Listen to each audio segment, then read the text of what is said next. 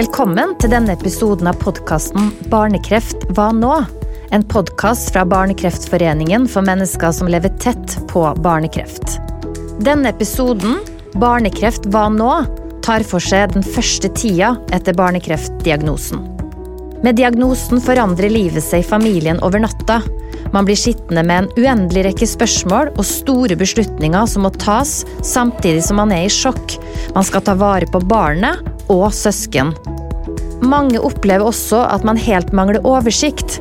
Hvordan skal man navigere i denne situasjonen? I denne episoden skal vi se nærmere på hva som skjer når et barn får kreft. Hvorfor barn får kreft, litt om behandlingene, og komme med noen konkrete tips til hvordan man kan gjøre livet og hverdagen litt enklere i en utrolig krevende situasjon. Vi skal snakke med Espen Skjegstad, som opplevde at dattera Hanna fikk kreft da hun bare var tre år gammel. Vi skal også ta en telefon til Britt Ingunn V. Sævik, fagsjef i Barnekreftforeninga.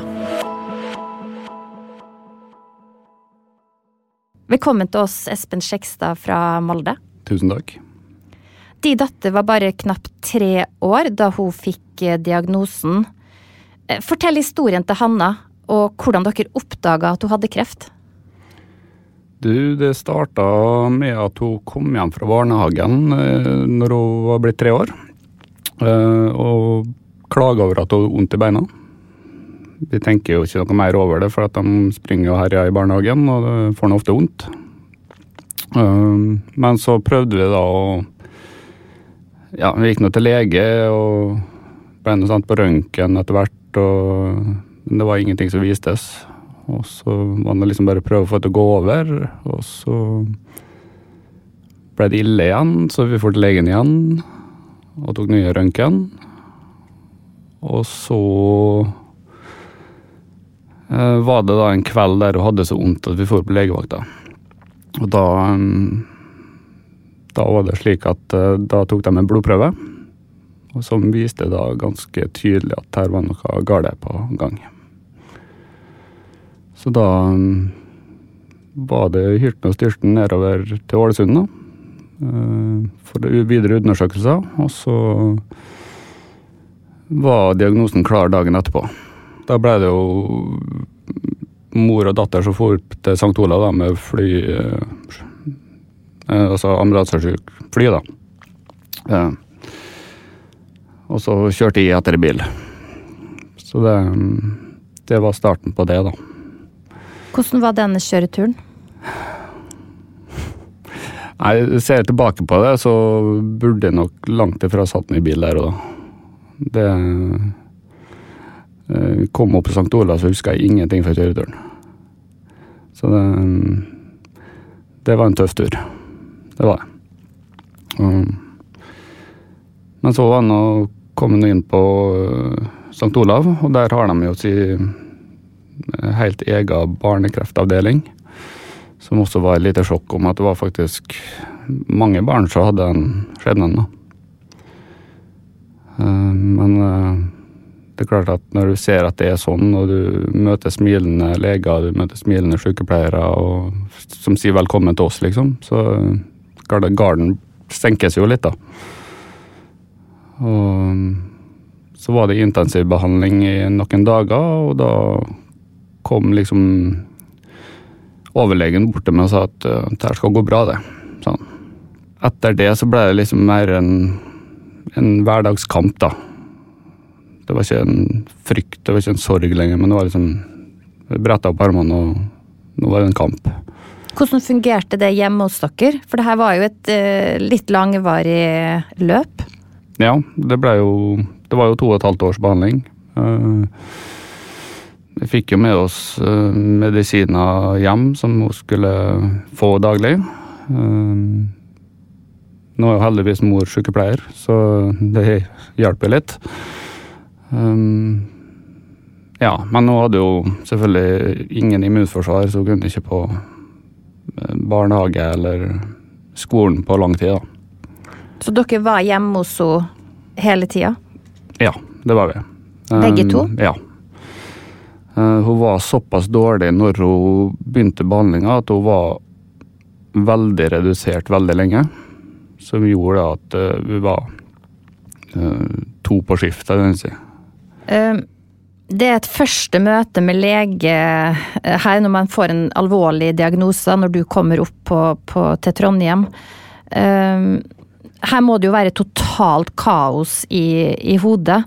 Husker du hva du lurte på når du kom opp der?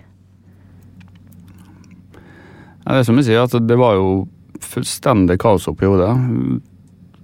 Men du møtte liksom den ekspertisen oppe på avdelinga her, så var det liksom bare sånn du trakk deg i armene og tenkte at her vet de hva de gjør. Vi, vi stoler på det. Så, ja, en sånn følelse av at her trenger vi ikke å være flink? Nei, riktig. Her skulle det bare være far eller mor. Det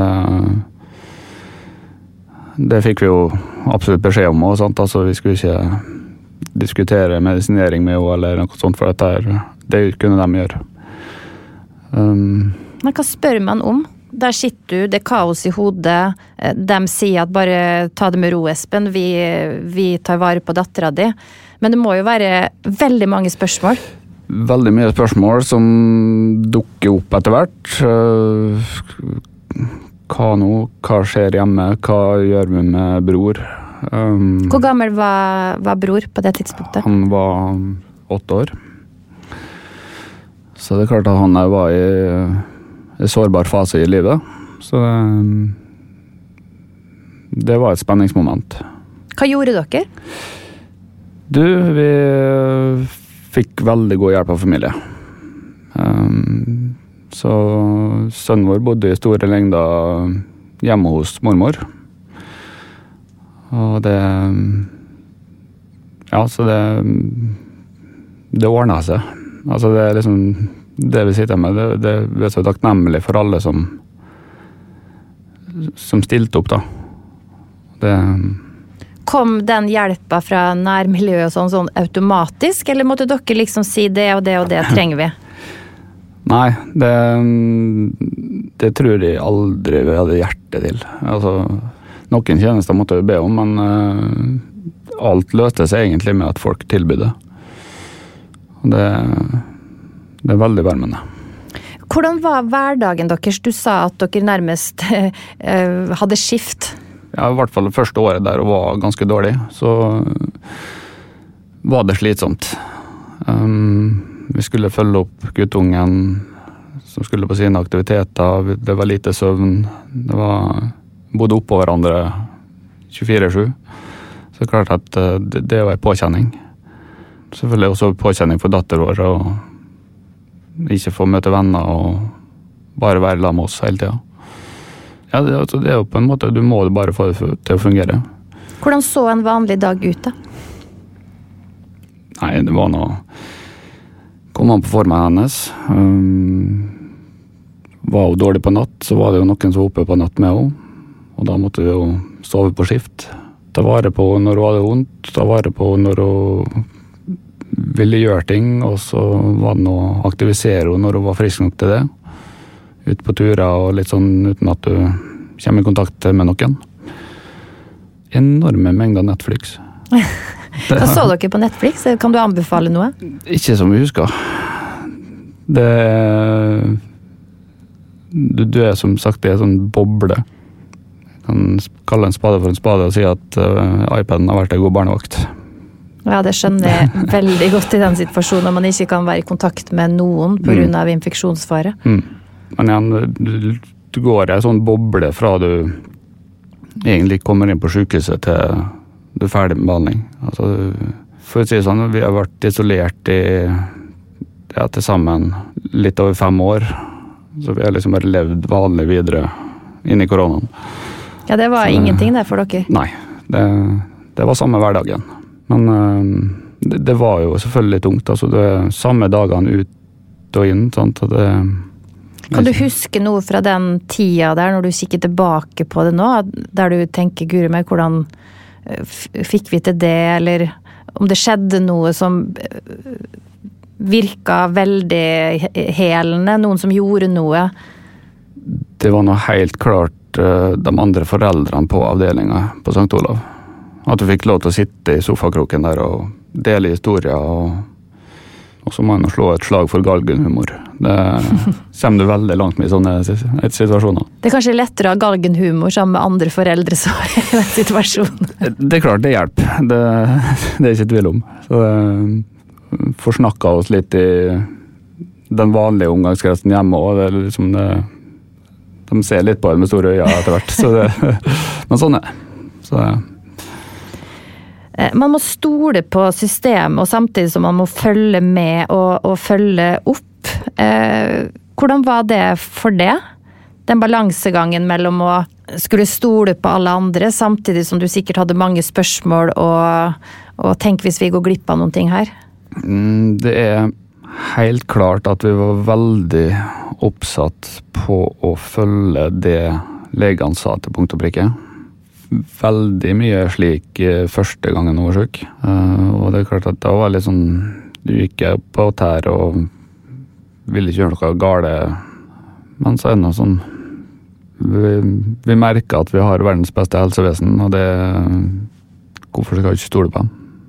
Dere har jo måttet vært igjennom en runde to ja. med, med Hanna. Fortell litt om det. Ja, det var nå nesten ett og et halvt år etter endt behandling, første gangen.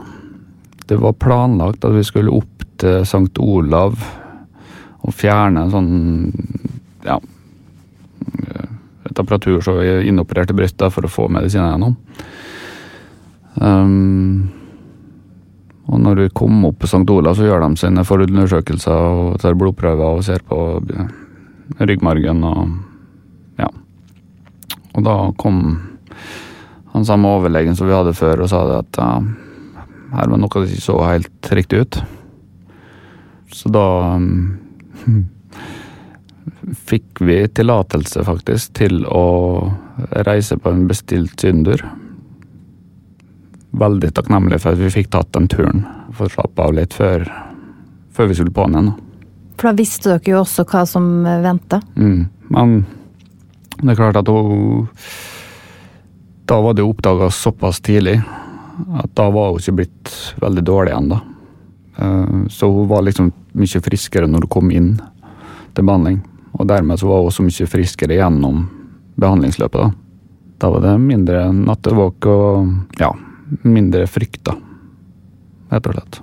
Men da den beskjeden kom, dere skal egentlig bare på en rutineundersøkelse i Trondheim, og så kommer den beskjeden. altså hvor hvor traff det i systemet ditt? Du hadde vel Man frykter vel alltid at det kan komme noe tilbake, men, men hvor var du hen da du fikk den beskjeden? Um, vi merka liksom gjennom våren at hun var veldig mye småforkjøla. Og det er nå litt sånn vanlig ellers òg. Men det var liksom et tegn på at det kan være tilbakefall. Men det, det slo oss liksom ikke at ja, nå er det tilbakefall. Men så begynte hun å få vondt i ei arm. Varig vondt. Og da Vi ville vel heller ikke da tenke at det var det. Altså, men det kom ikke som et sånn kjempesjokk når overlegen sa at det var tilbakefall. Gikk du lengre ned i kjelleren på den beskjeden på runde to? Nei, det gjorde jeg nok ikke. Hvorfor det, tenker du? Nei, fordi at uh, vi hadde jo tatt de prøvene før vi for på Synder Ikke? Så var det opp igjen på St. Olav, og da hadde allerede overlegen gått nøye gjennom testene. Så han sa jo det når vi kom inn der, at uh, det skal nok gå bra denne gangen her òg. Og med tanke på at hun var i mye bedre form, og han sa det, så klart at da, den tyngste børen er jo det at du igjen blir revet vekk fra samfunnet i ja, ganske lenge, da. Så, um, men vi gikk ikke like langt ned nei, som første gangen. Hvordan har du forholdt deg til redsel? Ja, da vil jeg dele to igjen. Det er gang nummer én og gang nummer to. Um, gang nummer én um, Jeg tror aldri vi rakk å tenke at nå skal hun dø. Vi var redd for at hun kunne dø. Mens, ja, som sagt, det tok jo par uker med behandling, og så sier legen at det her skal gå bra. Så da, da tenker vi mer på hvor hardt og tungt det er for henne. Det er noen superkrefter som kommer hos en pappa når eh, en sånn ting skjer. Ja, altså Vi bestemte oss jo fort fordi at uh, for at uh, vi, vi, skal være glad og fornøyd når hun er det. Og så skal vi ha et tungt lam henne. Så det var liksom ganske nøye på, nøye på det at uh, det er hennes dagsformsavgjør. Og det fungerte egentlig bra. Vi fikk ventilert, vi fikk ja, tømt oss til psykolog. Um, ja. Ja, for det, det, er vel noe med at det må være plass også til eh, dine følelser, kona di sine følelser. Eh, hvordan opplevde du det? Det å finne plass til å tømme seg, til å få, få ting ut? Mm. Nei, og igjen tilbake til uh, foreldrene som hadde samme skjebne i sofaen. Vi, der fikk vi tømt oss, der fikk vi snakka sammen, vi fikk beroliga hverandre. Og så var vi jo psykolog alle sammen. Og det hjalp jo, vil jeg påstå. Så du opplevde at dere også ble ivaretatt rundt Hanna? Ja, veldig bra. Det er klart du kan ikke bli så ivaretatt at du ikke har dype daler og sånt, men uh, generelt veldig godt eh, behandla. Det er jo mange som sier at de begynner å google uansett hva leger og sånn sier, så er man livredd for å gå glipp av noe. Kanskje er det noen der ute som kan mer om akkurat det her. Hva mm. sier andre? Og så plutselig så har man eh, gått inn i en ganske skummel eh, spiral da, mm. av informasjon man eh, finner. Mm. Googla du? Ja, vi googla helt til vi kom til St. Olav. Så fikk vi jo klar beskjed. Men det viktigste av alt, vi fikk beskjed hvorfor vi skulle gjøre det. Og da var liksom den ballen lagt død. Ja, Og til alle som nå sitter og googler som hører på det her, hvorfor skal man ikke google? Fordi du finner så mange halvsannheter. Og du vil aldri hente ut det hele bildet av en artikkel på Google som det du får fra legen. Det er greit nok hvis du googler etter eh, råd for en ømfintlig vask til en unge som har det vondt. Så er jo det noe annet. Men uh, anbefaler ikke medisinsk googling. Den er grei. Det er nok mange som trenger å høre det der ute. Jeg trenger å høre det sjøl, for jeg googler dessverre altfor mye i alle slags eh, sammenhenger. Du er nok ikke alene, nei. Nei. Hvordan snakker man om barnekreft med folk? Bare ordet barnekreft får en jo til å assosiere veldig raskt, da, både mot død, mot uh, forferdelige bilder man uh, har sett. Uh, hvordan snakka du med folk om at han hadde fått kreft? Veldig platonisk. Hva legger du i det? At det gikk omtrent så langt som at hun hadde kreft, hun fikk den beste behandlinga i verden, og at det skulle gå bra. Hvorfor sa du ikke mer enn det? Litt fordi at um, Ikke hadde behov for det. Jeg skjønte at de jeg snakka med, hadde ikke behov for det. Og de tror jeg skjønte at det kunne være greit å slippe å snakke om det hele tida. Um, så vennegjengen, de spurte aldri. Var du glad for det? At de ikke ja, spurte? Veldig. Du hører kanskje at jeg, sliter jo litt ennå. Uh, men å gjenfortelle den samme historien 20-40 ganger gjennom uka, det, det er belastning. I hvert fall i den første perioden. Um, For det her er jo veldig vanskelig, og nå har jo vi snakka med mange om det her. Noen skulle ønske at man fikk flere spørsmål, noen opplever at hvorfor går de på andre sida av gata når de ser meg? Sant? Det, det, det er veldig vanskelig å navigere i, også fordi at man er så forskjellig. Det er klart. Um, og det merka vi jo. At det var litt sånn Sånn uh, spesielt halvbekjentskap, som vi kaller det. Sånn som du hadde stoppa og prata med på butikken, men liksom ikke har sånn daglig kontakt med. Som så liksom gikk ekstra runder i butikken og prøvde å ikke støte på det. Og det helt greit og forstår det så godt. Um, Og for meg så var i hvert fall det også veldig greit. At ikke alle sammen kom bort og skulle snakke om det. Hvordan er livet nå? Nå er Hanna altså elleve år. Jeg er i hvert fall sjeleglad for at hun kommet ut i andre enden med hodet på plass. Og gjør det greit på skolen og klarer stort sett å følge det fysiske nå etter hvert, da. Etter en god periode med opptrening. Um, Hvordan er det med faren, da? Uh, har det egentlig kjempebra. Um, har jo da selvfølgelig blitt tatt med verv i Barnekraftforeninga um, for å gi tilbake det de fikk fra ham. Hva har Barnekreftforeninga betydd for det? Ja, nei, um, I Barnekreftforeninga så har vi personer som kalles likepersoner. Og det er um, kanskje den viktigste hjelpa jeg fikk i den perioden. Har det vært én person? Har det vært mange? Én person. Som vi fortsatt har et veldig godt forhold til. Absolutt. Hva gjorde den like personen for det? Ja, det, det er jo ikke verre enn at de prater med oss. De har vært gjennom det samme. Og så er de flinke lyttere. Og så tenker jeg at de må ha vært utrolig heldige som fikk den de fikk. Har du noen tips når du ser tilbake på det dere har vært igjennom som familie? Ja. Um, la folk hjelpe. For det er vår erfaring at det vil de veldig gjerne. Og føler dere ikke at dere får behovet dekt, så vil helt sikkert dem rundt dere høre om det.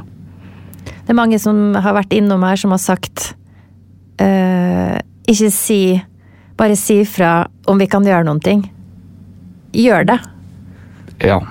Um, alle spurte jo veldig ofte, men det er en bøyg for å si ja. Og sånn i ettertid så tenker jeg at det er jo helt ubegrunna, for uh, så lenge du har et behov så, og noen vil hjelpe, så er det jo fordi at de vil hjelpe. Og det skal jo ikke være noe skam i det, tenker jeg. Så ta imot all den hjelpa man blir tilbudt. Ja, det mener jeg. Um, hvis folk ikke vil hjelpe, så spør de ikke. Hva holder Hanna på med om dagen? Hva er hun interessert i? Hun Hanna hun holder på med skole, piano, fotball og nå turn. Så nå er dagen hektisk.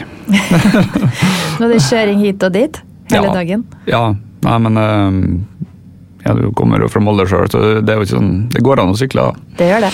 Så det um, Nei da, men det, det, Livet er normalt igjen, vil jeg påstå. Hva er det du setter mest pris på med at livet er normalt igjen? At en skal ikke ta ting for gitt. At jeg har ei datter som ikke har spesielle varer med henne. At jeg har en uh, snart voksen ungdom som har det fint i livet. Det har vært utrolig fint å ha det med i podkaststudio, Espen. Takk for det. Det er en sterk historie, og det er en historie du skal leve med resten av livet ditt. Men takk for at du delte den med alle oss. Bare hyggelig. Å få vite at barnet ditt har fått kreft, kan være overveldende og skremmende. Britt Ingunn V. Sævik jobber som fagsjef i Barnekreftforeninga og underviser i hvordan man skal møte personer som står i livets verste krise. Velkommen til det, Britt Ingunn ved Sævik, på telefon fra Bergen. Takk for det. Du er altså fagsjef i Barnekreftforeninga og vet mye om hva familier som opplever at barnet deres får kreft, erfarer og også lurer på, og hva det er vanskelig å få oversikt over i en kaotisk situasjon. La oss gå litt sånn rett på, Britt Ingunn. Hvorfor får barn kreft, og hvorfor er det annerledes enn når voksne får kreft? Det at barn får kreft, det er helt Det vet ingen eh, enda hva det er som gjør det. Eh, og barnekreft det er ikke det samme som hos voksne. For det at eh, barn får andre krefttyper enn voksne. Selv om vi gjerne kaller det for blodkreft hos barn og blodkreft hos voksne, så arter det seg helt annerledes. Og litt sånn, Hvis en skal prøve å forklare det litt generelt, da, så kan en si at eh, kreft hos voksne det går ofte ut fra et organ. Sant? Enten bryst eller prostata eller lunge. Og dermed så er det liksom lokalisasjonen som gjør at en vet hvilken krefttype det er.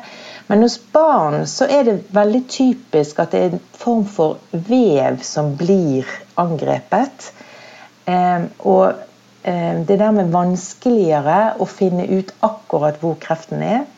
Den vokser veldig hurtig hos barn. Og det finnes absolutt ingen ytre faktorer som er av betydning for hvordan sykdom hos barn utvikler seg.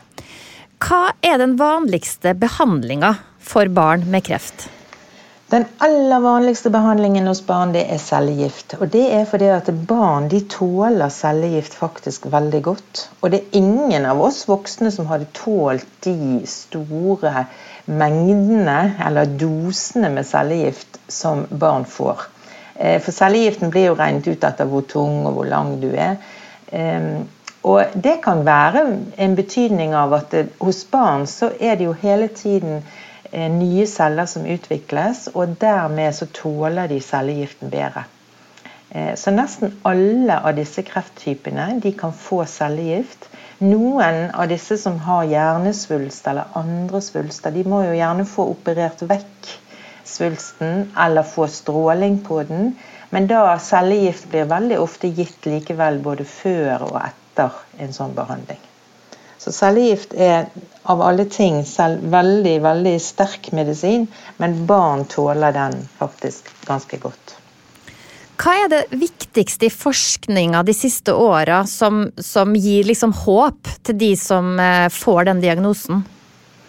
Eh, det som en ser mer og mer med forskning på barnekreft, det er jo det at en, en kan se mer at det er sånn persontilpasset. fordi at det er så forskjellig. altså To barn som har blodkreft og samme type blodkreft, de kan få helt to forskjellige behandlingsformer.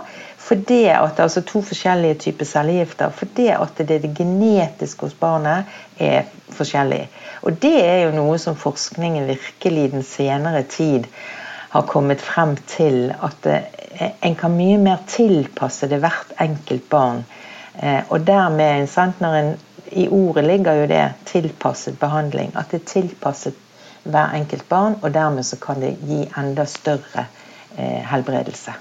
Ja, Så det er enda mer spesialiserte kreftprotokoller nå enn det var tidligere? Ja, det er det. Helt riktig. Det er, før så ble barn behandlet etter noenlunde samme protokoll. Og det er noenlunde samme protokoller nå, men en kan likevel gjøre tilpasninger i de ulike protokollene som er tilpasset hvert enkelt barn. Og så er det også viktig å få frem dette at eh, barn i Norge de blir behandlet, eller det er de store sentrene i Tromsø, Trondheim, Bergen og Oslo som er behandlingsansvarlige. Og de ville fått samme type behandling uansett hvilket sykehus de kom på. De ville også fått samme behandling om de kom på et sykehus i Norden. For det er et utrolig sånn utstrakt samarbeid mellom disse som jobber med barnekreft i Norden, og også i deler av Europa. Og Derfor er det ikke liksom opp til legene ved hvert enkelt sykehus å bestemme hvilken behandling et barn skal ha. Det blir tatt opp til drøfting, og det blir virkelig gjennomgått. Og Ser en at en f.eks. har en bedre behandling i et annet land, så blir barnet sendt der. Så det er ikke noe som foreldrene trenger liksom å tenke på eller gjøre noe med. Eh, fordi at det blir ivaretatt. Ja, så du trenger ikke være flinkis. Ja, sånn, du trenger ikke være en flinkisforeldre for at barnet ditt skal få rett behandling og den beste behandlinga tilgjengelig? Nei, på ingen måte. På ingen måte.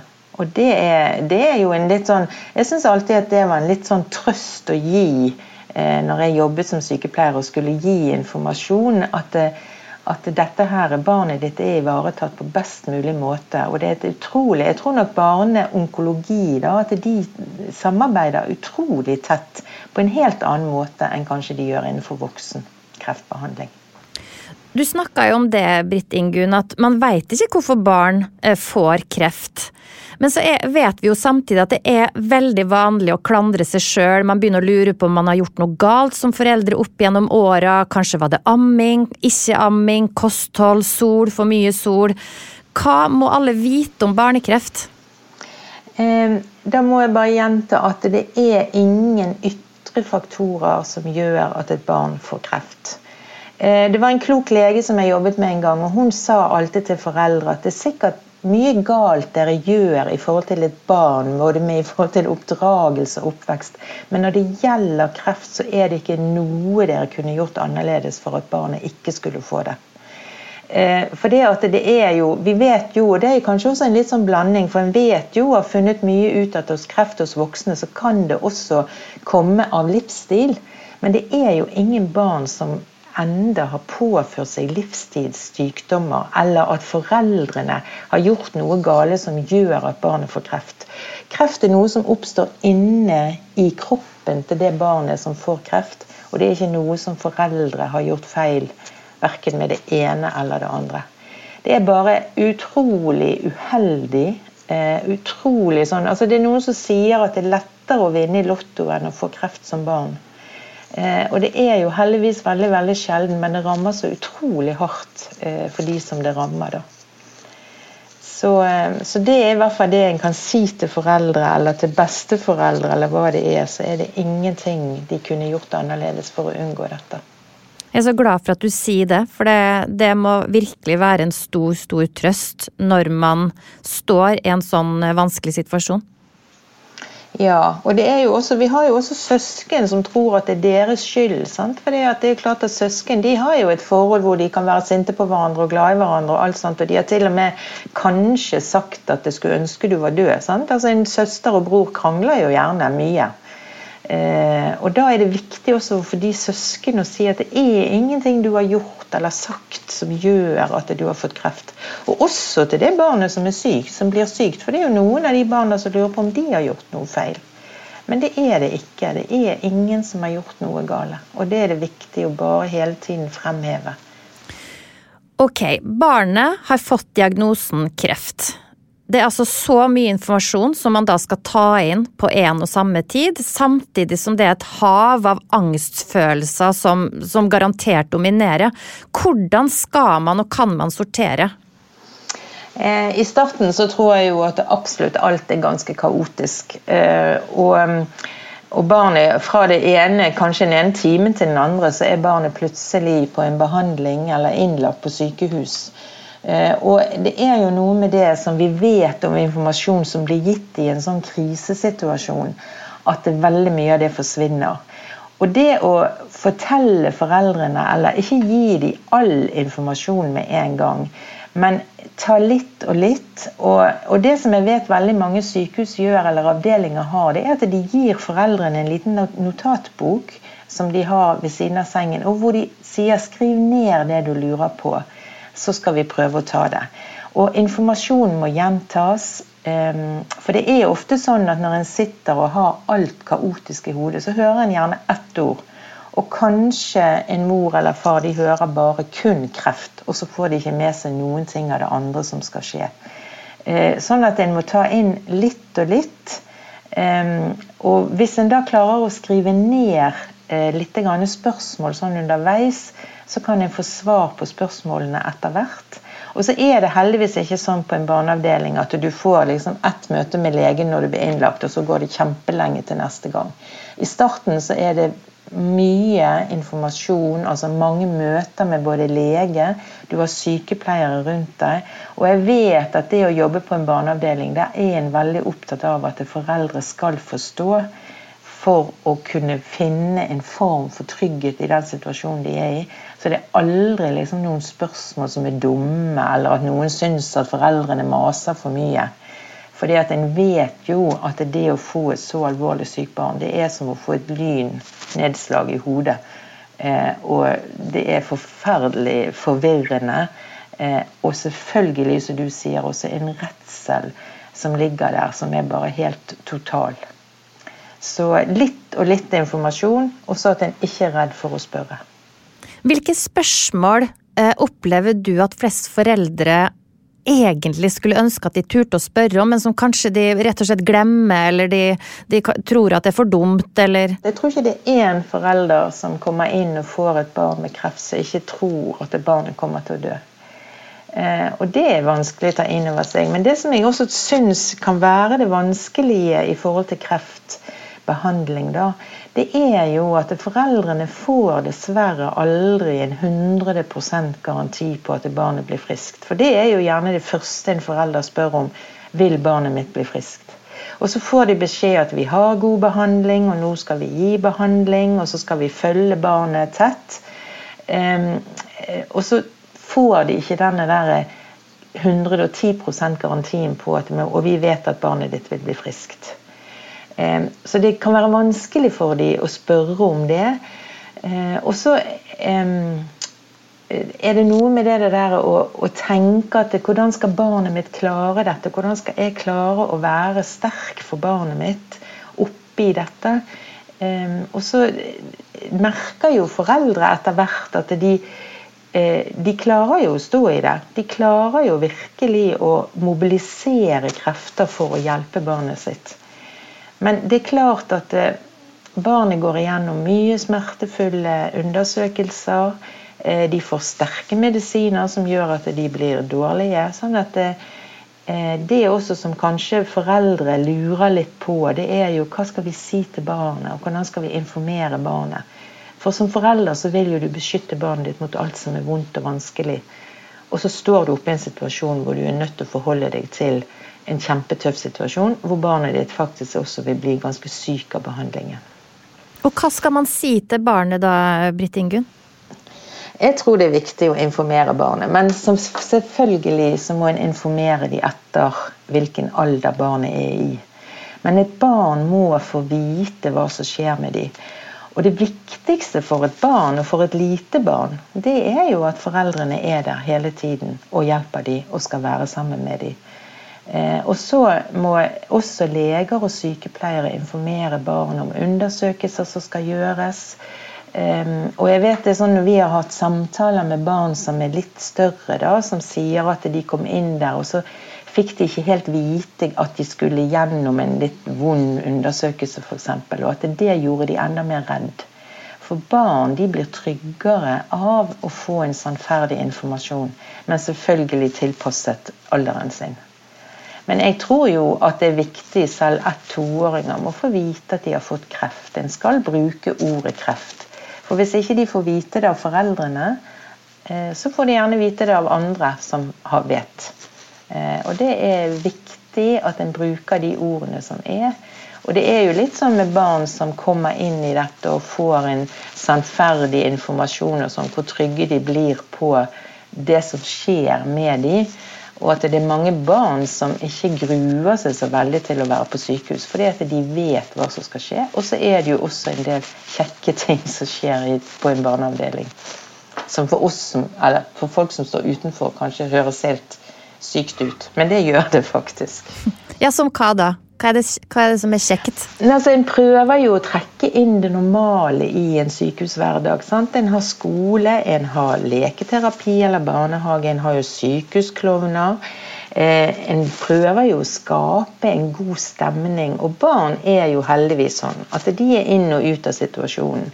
Og de sykler rundt på avdelingen. og foreldrene, Mange foreldre som sier de løper etter med disse intravenøsstativene. Fordi at Barn de ligger jo ikke nede hele tiden hvis ikke de er veldig veldig dårlige. Så bruker de gjerne de fem minuttene de er gode da, på å sette seg opp og begynne å leke. Eh, de tar kontakt med andre. og de, de er jo liksom Barn er barn uansett hvor de er henne. og Dermed så er det lite tungsinn på en sånn barneavdeling. Der, der forholder en seg til barnet. Og Da må jo foreldrene også være med på det som barnet ønsker. Du snakker om sykepleiere og leger som selvfølgelig er veldig involvert i den første eh, fasen. Men hvilken hjelp finnes utover det for å klare å takle situasjonen? Foreldre som skal takle sin egen angst og uro, men også håndtere at barna gjennomgår tøff behandling? Ehm, det viktigste på en avdeling er jo gjerne det møtet med sykepleiere og leger. Og jeg vet også at veldig mange foreldre de etterspør jo psykolog. Eh, det å få snakke med psykolog på en sånn eh, lavterskelnivå, at ikke de må bli henvist fordi de er blitt syke. Men jeg tror at veldig mange av disse foreldrene de trenger å vite at det er helt normale reaksjoner de har når dette skjer. Vi glemmer ofte at det å være i en krise og det å komme i en krise, det gjør at en blir både redd og trist og lei, og at en føler en ikke mestrer situasjonen. Og Det er jo fordi at en aldri har vært i denne situasjonen før. Men det er helt normalt. Og det er også helt normalt å tenke tankene at barnet mitt kommer til å dø. Og det er veldig mange foreldre som sier f.eks. det at i starten så, så tenkte jeg bare på begravelsen til barnet mitt fordi at dette var så overveldende.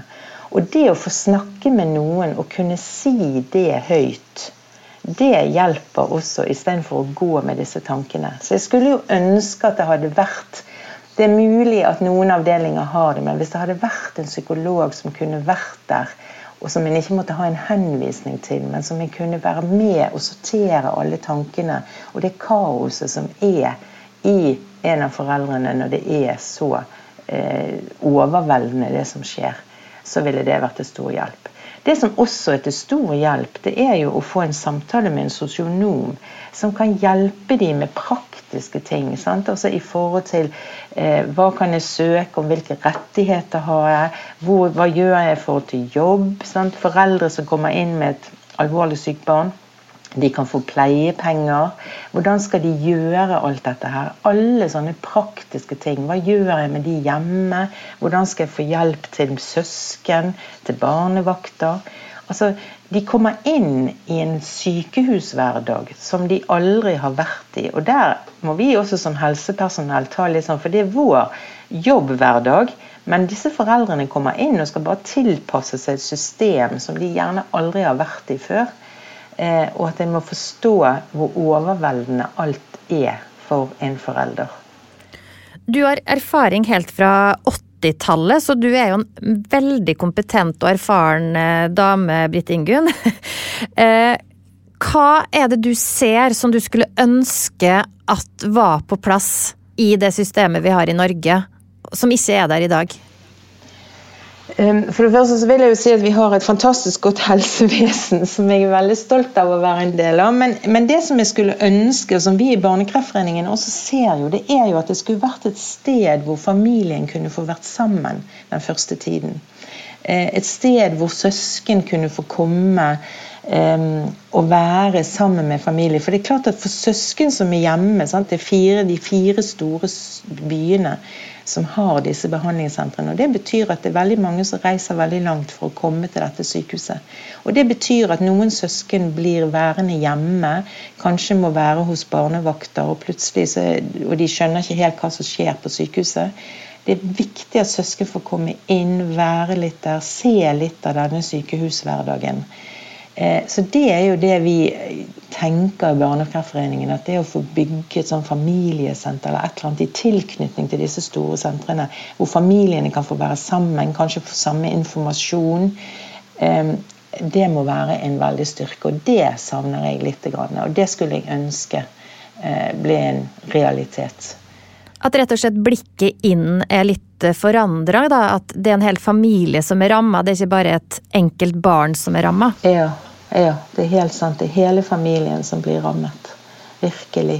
Og vi foreldre vi er jo utstyrt med en god dose dårlig samvittighet i utgangspunktet for den minste ting. Eh, og da er det jo lett å forstå at den dårlige samvittigheten i hvert fall blir stor når du har nødt til å overlate søsken av kreftsyke barn til besteforeldre og, og, og andre. Ja, det er og det er jo sånn, Men den dårlige samvittigheten den kan vi dessverre ikke bruke til noe. så Der må vi også som møter disse familiene og disse foreldrene, vi må være veldig eh, flinke til å fortelle dem at eh, en skal gjøre dem obs på det med søsken, og hva, hva er det som er eh, behovet hjemme hos søsken. Men det også skal det være en som er barneansvarlig på hver avdeling, som faktisk skal snakke om det med søsken. Og søsken har både rett og plikt til å få informasjon. Eh, og det må vi hjelpe foreldrene til eh, eh, å, få en løsning på. Sant? For En kan ikke forvente at foreldre som har et alvorlig sykt barn, og de trenger, de må være der 100 til stede for det barnet, også skal få dårlig samvittighet for de barna som er hjemme. Og Der igjen så er det andre rundt de som må være med og bidra. Og Vi har jo heldigvis også nå dette med kreftkoordinatorer i kommunen, som også kan være med og bistå hjemme, gi kanskje informasjon til skole, og at de på skolen til søsken får beskjed om hvordan det er hjemme. Sånn at en, en tenker litt, som du sier, hele familien rundt det barnet som er blitt sykt, eh, er viktig å tenke på. Du er jo fagsjef i Barnekreftforeningen, som er en sterk interesseorganisasjon. Hva er fordelene med å være medlem i Barnekreftforeninga, Britt Ingunn? Eh, jeg tror jo at det er for de som blir medlem, og det er ikke gjerne det første en tenker på når en får et barn med kreft, at en må bli medlem i Barnekreftforeningen. For for noen er det faktisk veldig vanskelig å forholde seg til at barnet har fått kreft. Men etter hvert så tror jeg at det å få møte andre altså En av grunnpilarene til Barnekreftforeningen er jo dette med likepersoner. Foreldre som har vært igjennom en sånn situasjon, og som har forbearbeidet sin situasjon går på kurs hos oss, og så lærer de på en måte å møte nye og andre familier i samme situasjon. Eh, veldig mange har sånn foreldrekvelder på sykehusene eh, hvor foreldre får møte hvor nye foreldre får møte disse litt eldre foreldrene. da. Og det å snakke med andre som har vært igjennom det samme, det er overbevist om gir en helt annen styrke og blir møtt med en annen forståelse hos de som har vært igjennom det, enn hos oss som er fagpersoner. Som vet veldig mye om teorier og hvordan vi skal gjøre ting. Men det der å få snakke med noen som har vært igjennom det, er utrolig viktig. Og også det å vise og se at vi var i den forferdelige situasjonen som du var i, og nå er vi kommet på et helt annet steg eh, i livet. Det er en, utrolig viktig. Eh, vi har jo 13 fylkesforeninger fordelt rundt omkring i hele landet. Eh, og når du blir medlem, så blir du tilknyttet den fylkesforeningen i nærheten av der du bor. Og det arrangeres samlinger, det arrangeres foreldrekvelder, de har turer. Altså noe med å finne et fellesskap sammen med andre som er utrolig givende og viktig eh, ved å være medlem i Barnekreftforeningen. Så kan en også få en kan få juridisk hjelp hvis en står fast i forhold til rettigheter. En kan eh, få tilbud om reisestøtte hvis en har lang vei til sykehuset og enten besteforeldre eller søsken har behov for å komme på besøk. Så kan en få midler til reisestøtte. Eh, så det er ulike sånne eh, ting som, som gjør at en opplever at en står i en større sammenheng, og en er ikke så alene. Du, vi må avslutte litt håpefullt. Eh, hva er det du vil si til foreldre som hører på det her, og som akkurat nå står i en kjempekrevende situasjon rundt barnet sitt? Jeg har lyst til å si at For det første så er jeg helt eh, imponert over foreldre som kommer i en sånn situasjon, og som eh, mobiliserer alt de har av krefter og står på for barnet sitt. Um, Eh, og så må en huske på at med kreft så er det veldig overveldende. Eh, og at en må tro på all den informasjonen en får på sykehuset. For det at Legene og sykepleiere på de forskjellige sykehusene de er spesialister på dette området. Og de forteller den sannferdige informasjonen. De holder ikke ting tilbake. Sånn at en skal være trygg på at en blir informert. Og så må en òg være trygg på at barnet får den beste behandlingen, og at det er de aller, aller fleste, oppi 85 av barna, de blir friske. Eh, det er jo et viktig håp. Og så er det jo òg noe med at barn har en egen evne til å tilpasse seg situasjonen. Eh, og de lever her og nå. Og når barn får informasjon og får vite hvorfor de må gjennom ting, så eh, vil de også tilpasse seg situasjonen.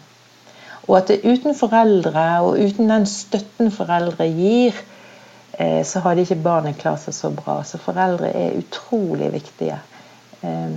Så, og ikke være redd for å si at ting er vanskelig. For de som jobber med dette, de vet det, at dette er vanskelig. Det er så fantastisk at du har vært med i denne episoden her, Britt Ingunn, med all din erfaring og måten du snakker om det på. Tusen hjertelig takk. Jeg skal bare oppsummere litt, så kan du si om du syns at jeg har rett, at det er det du har vært innom av de viktigste tinga. Ingen barn som får eh, kreft, har gjort noe galt. Foreldrene har ikke gjort noe galt, ingen rundt har gjort noe galt. Når du kommer på sykehus og får masse, masse informasjon. Sørg for at du har ei notatblokk der du kan notere spørsmål du har, notere ned ting som blir sagt som er viktig. Ikke vær redd for å snakke med barnet ditt om at de har kreft, og tilpasse informasjon til alder. Eh, og sett ord på det svarteste du kjenner på som foreldre i møte med en psykolog. Sånn noenlunde veldig kort oppsummert. Ja, og om en ikke har en psykolog, så snakk med en annen fagperson eh, som eh, kan lytte til deg når en har de mørke tankene. Og husk at alle fagpersoner, alt helsepersonell, de har taushetsplikt. Så det er ingen som går rundt og snakker om det du har sagt. Tusen hjertelig takk til deg, Britt Ingunn. Jo, takk for at jeg fikk komme. Vil du vite mer om Barnekreftforeningen eller har andre spørsmål knytta til barnekreft? Gå inn på barnekreftforeningen.no, eller lytt til andre episoder av Barnekreft hva nå? Plan B.